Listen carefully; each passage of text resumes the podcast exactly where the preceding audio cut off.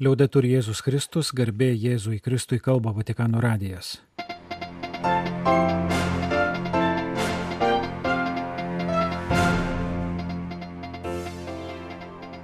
Malonus klausytojai šioje programoje. Sekmadienį popiežius vadovavo viešpatės angelo maldai, kalbėjo apie šventąjį Joną Krikštytoją.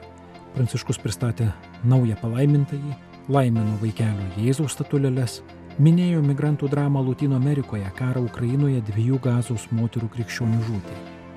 Popiežiui 87 metai. Nuosprendžiai pastato Londone įsigijimo byloje. Kelių įvykių Lietuvoje apžvalga.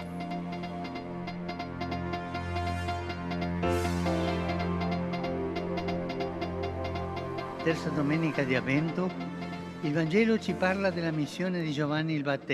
Šventasis Jonas Krikštytojas, kaip girdėjome trečiojo Advento sekmadienio skaitinyje, buvo siūstas liūdėti šviesą, kaip jis ją liūdėjo ir kokią šviesą mums parodė. Gruodžio 17-osios vidudienio maldos susitikime klausė popiežius Pranciškus, kreipdamasis į Šventojo Petro aikštėje buvusius maldininkus bei daugybę vaikų.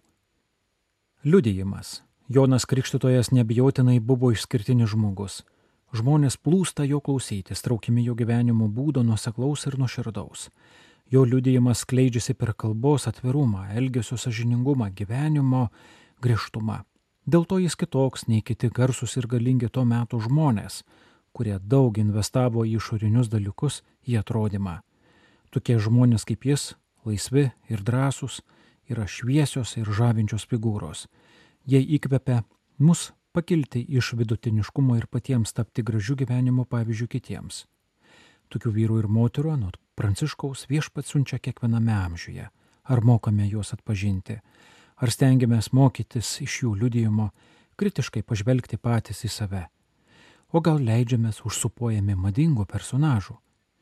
Jonas šviečia, nes liudyja šviesą. O kokia jo šviesa? Ar tik jo teisumas? Jis pats atsako į šį klausimą, kai miniai, kuri plūdo jo klausytis, aiškiai sako, kad jis nėra šviesa ir nėra mesijas. Šviesa yra Jėzus, Dievo vinėlis, Dievas, kuris gelbsti, kaip sako pats jo vardas. Jis vienintelis atperka, išlaisvina, gydo ir apšviečia. Štai todėl Jonas yra balsas, palydintis prie žodžio. Jis tarnauja nesiekdamas garbės ir žinomumo Jis yra žibintas, o šviesa yra Kristus. Jono Krikštitojo pavyzdys mus moko bent dviejų dalykų. Viena, kad negalime išsigelbėti patys, tik Dieve randame gyvenimo šviesą.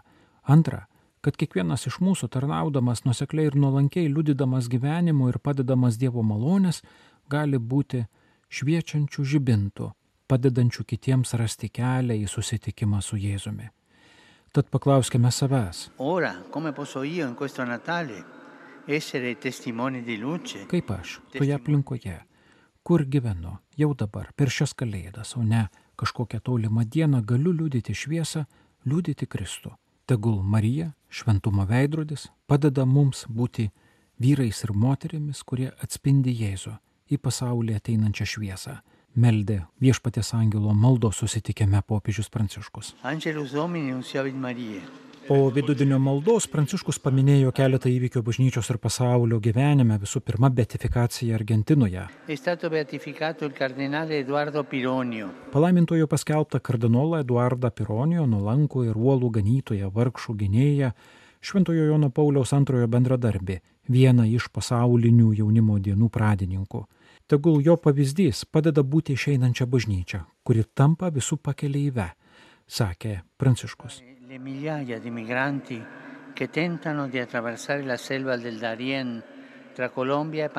Jis minėjo migrantų, dažnai moterų su vaikais dramą Kolumbijos ir Panamos pasienyje. Melagingų pažadų apgautos šeimos bando kirsti džiunglės ir apiplėšiamos prarandama daug gyvybių. Negalima leisti, kad šios tragedijos vyktų tyloje, bet reikia susijusių šalių ir tarptautinės bendruomenės humanitarinio atsako. Nepamirškime, nuo karo kenčiančių brolių ir seserų Ukrainoje, Palestinoje, Izraelyje ir kitose konfliktų zonose, kalbėjo popiežius, dar kartą melsdamas, kad atsivertų taikos keliai. Pranciškus, nekarta pasmerkęs teroro aktus prieš Izraelį, šį kartą paminėjo skaudų epizodą Gazo šventosios šeimos bažnyčios teritorijoje, kur glaudžiasi keli šimtai krikščionių, daugiausia moterių su vaikais, vienuolės ir žmonės su negale. Snaiperių kulkos pakirtų motiną ir dukrą, Nahida Kalil Anton ir Samara Kamal Anton, ėjusias link tualeto, sužeidė septynis kitus asmenys. Šią žinę patvirtino ir Jeruzalės Lutynų patriarchatas, patikslinęs, kad snaiperiai buvo iš Izraelio kariuomenės ir kad jie šaudė be jokio perspėjimo. Kažkas sako, tai karas, tai terorizmas. Taip, tai karas, tai terorizmas, pažymėjo popiežius. Būtent todėl šventasis raštas moko, kad Dievas nutraukia karus, todėl melžiame viešpati taikos. Kaip tapo įprasta per daugiau nei pusę amžiaus, trečiąjį advento sekmadienio vidudienį popiežius Pranciškus palaimino kūdikėlio Jėzaus statulėles, kurios per kalėdas bus paguldytos į rumiečių šeimų prakarteles. Pasveikino daugybę šią progą iš Šventojo Petro aikštę atėjusių vaikų.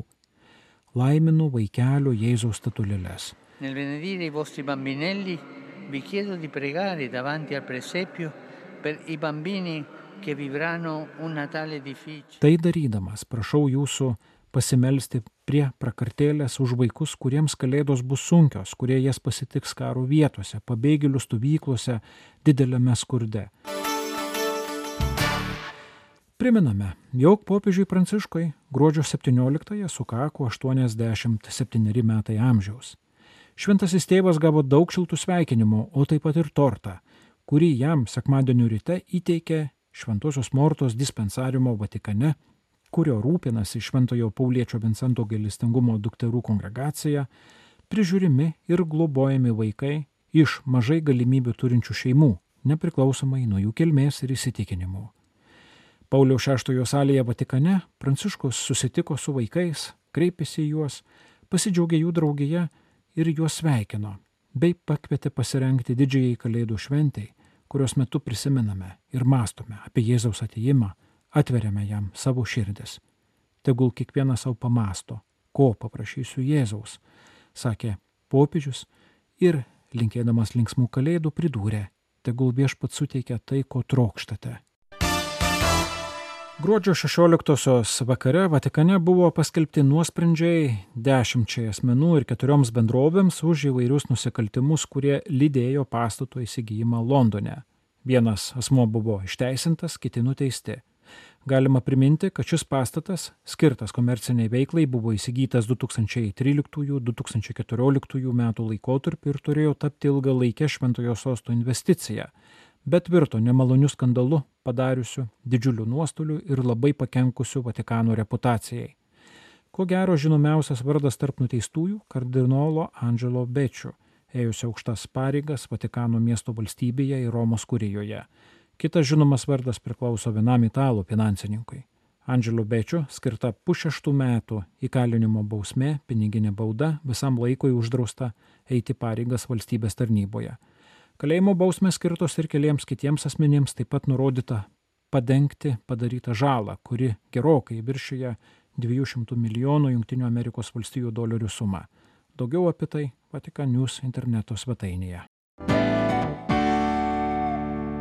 Šeštadienį gruodžio 16 dieną Lukano švenčiausiosios mergelės Marijos bazilikoje Argentinoje palaimintojų paskelbtas 1998 metais miręs Romos kurijos kardinolas Eduardo Francisco Peronio.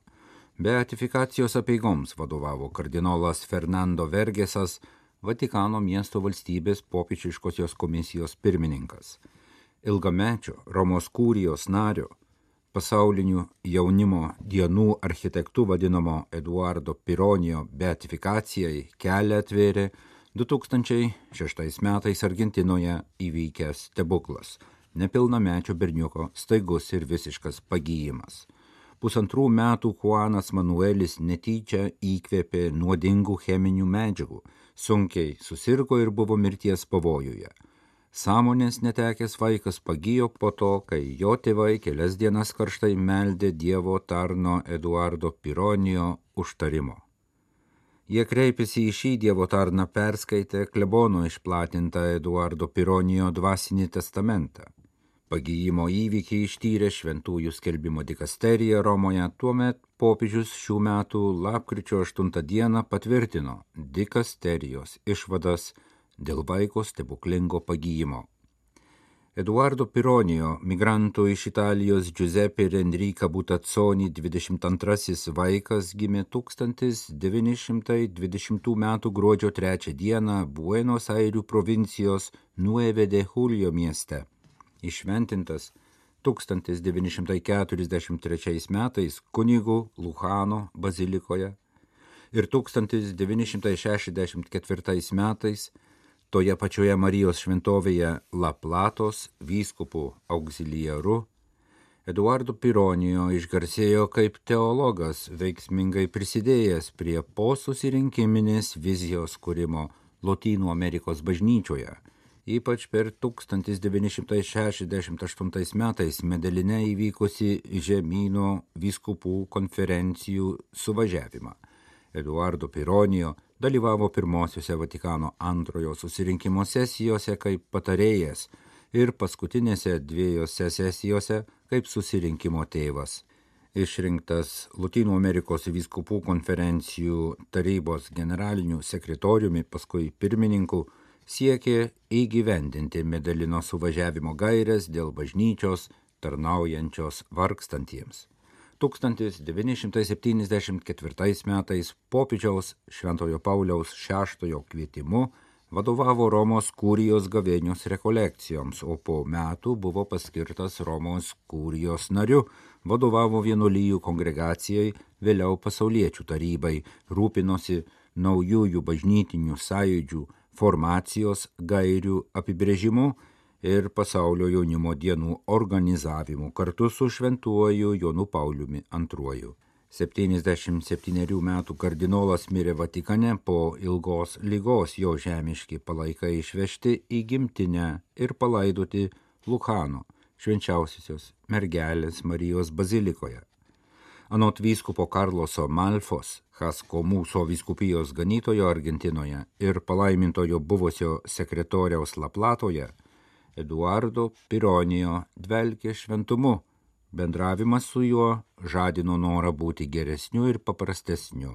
Kardinolo Eduardo Pironijo žemiškus palaikus 1998 metais Buenos Airių oro uoste pasitiko tuometinis Argentinos sostinės auxiliaras vyskupas Jorge Mario Bergoglio, dabar popiežius Pranciškus. Gruodžio 15 dieną dienraštis Bernardinai LT paskelbė Ritos Bagdonaitės parengtą pokalbį su Dievo gailestingumo šventovės maldininkė Rūta Kiselytė. 2021 metais jie atsiliepė į tėvų redamtoristų ir Kauno arkiviskupijos misijų bendruomenės gyvybės medis kvietimą per metus perskaityti visą šventą įraštą. Visiems užsiregistravusiems misionieriai kasdien išsiųsdavo elektroninį laišką su tos dienos šventojo rašto skaitinių nuorodomis, trumpu komentaru ir galimybę labiau pasigilinti į skaitomą tekstą, žiūrint trumpus vaizdo įrašus. Rūta Kiselytė savo patirtį skaitant visą šventą įraštą per vienerius metus apibendrino tokiais žodžiais. Noriu dar kartą patikinti, kad nereikia bijoti pradėti. Esu įsitikinusi, kad paskaičius porą mėnesių, vieną mėnesį ar netgi mažiau, šventoji dvasia savo pėtsaką žmogaus gyvenime palieka. Sėkla pasieta, ji ima leisti šaknis ir daigus. Taip nėra, kad būsi apdovanotas tik tada, kai perskaitysi viską. Dievo malonė, jeigu pavyks viską perskaityti, jis prakalbina kiekvieną labai individualiai, gal kai kuriems reikia skaityti lietai, kad ir kiek perskaitytum, visada liksi su dovana, visada. Šventojo rašto skaitimas mus priartina prie esmės. Istorijos yra egzistenciškai svarbios žmogui. Dievas kalba nepagražintą tiesą apie žmogų, apie šlovingas patirtis ir nuopolius, apie gyvenimą ir mirtį. ir kad visuose vingiuose mus lydi ištikimasis, myli tuo met, kai visai nebesitikime, myli, bet nepataikauja, pasakojo Rūta Kiselytė dienraščiui Bernardinai LT. Nuo 2021 metų į tėvų redemptoristų ir Kauno arkiviskupijos misijų bendruomenės gyvybės medis kvietimą Lietuvoje jau atsiliepia keli tūkstančiai žmonių. Susidomėjusiai šią programą straipsnėje suras registracijos nuorodą ir 2024. Kretingos laikraštis Pajūrio naujienos dalyjasi žinia apie neseniai Vilniaus universitete pristatytą knygą Žemaičių daktaras Faustas Jurgio Ambraziejaus pabrėžos bibliotekos kilmė, raida ir paveldas. Ją išleido Vilniaus universiteto leidykla, bendradarbiaudama su mažesniųjų brolių ordino Lietuvos Šventojo Kazimiero provincija. Viena iš knygos autorių, ilgametė Kretingos pranciškonų vienuolino bibliotekininkė Nijolė Raudytė, pajūrio naujienų skaitytojams dar kartą priminė Jurgio Pabrėžos Kretingos Bernardinų vienuolynę sukurto kabineto reikšmę. Pabrėžos kabinetas tapo gimstančios modernios Žemaitijos ir Lietuvos idėjų kalvę pasirinkęs pranciškono tretininko kelią, pabrėža sukūrė savotišką vėlyvosios apšvietos kabinetą, kurį sudarė ne tik biblioteka, bet ir kiti rinkiniai bei priemonės reikalingos telkiant lituanistikos studijoms pasišventusius žemaičius, atliekant žemaitijos augalijos tyrimus, kaupiant herbariumą, teikiant medicinos paslaugas bendruomeniai teigia Kretingos pranciškonų vienuolino bibliotekininkė Nijolė Raudytė, priminusi pajūrio naujienų skaitytojams ir tai, kad Lietuvoje nuo seno gyvuoja ir Jurgio pabrėžos kaip liaudės šventojo kultas. Gruodžio 11 dieną Gabrielė Gailiūtė Bernotienė platformoje Substack paskelbė mažosios studijos eteryje nuskambėjusi komentarą pavadintą apie laimę, ramybę ir gerą valią. Kalėdos, man regis, yra primiktinės neišvengiamos ir ne mes joms pasiruošiam ar jas prisišaukiam, o jos ateina pas mus diktuodamos sąlygas. Nes mes laukiam karaliaus ir mesijo, ar saulės, ar šviesos sugrįžimo, ar naujos pradžios, ar dar ko nors didingo ir galingo, o sulaukiam vargšų kūdikio tvartelyje Du tūkstančius metų vis prie to neįprantam ir nepaliaudami stengiamės sukurti kalėdas, nors svarbiausia jų žinia, ko gero, ir yra tai, kad ateina visai ne tai, ko tikėjomės ir kam ruošiamės. Ir vis tiek negalime nešvesti, nes ne taip, kaip mes įsivaizduojame, atrodo pasaulio išganimas, kurio juk įsivaizduoti ir negalime.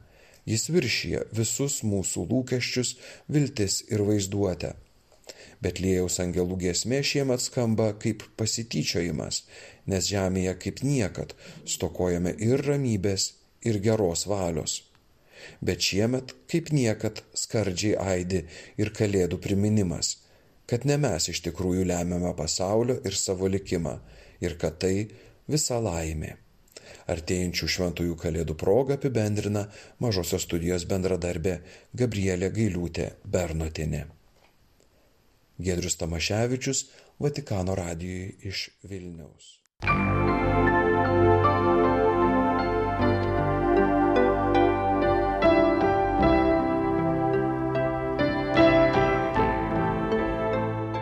Malonus klausytojai laidą lietuvių kalbą baigiame. Kalba Vatikano radijas. Garbė Jėzui Kristui, liaudai turi Jėzus Kristus.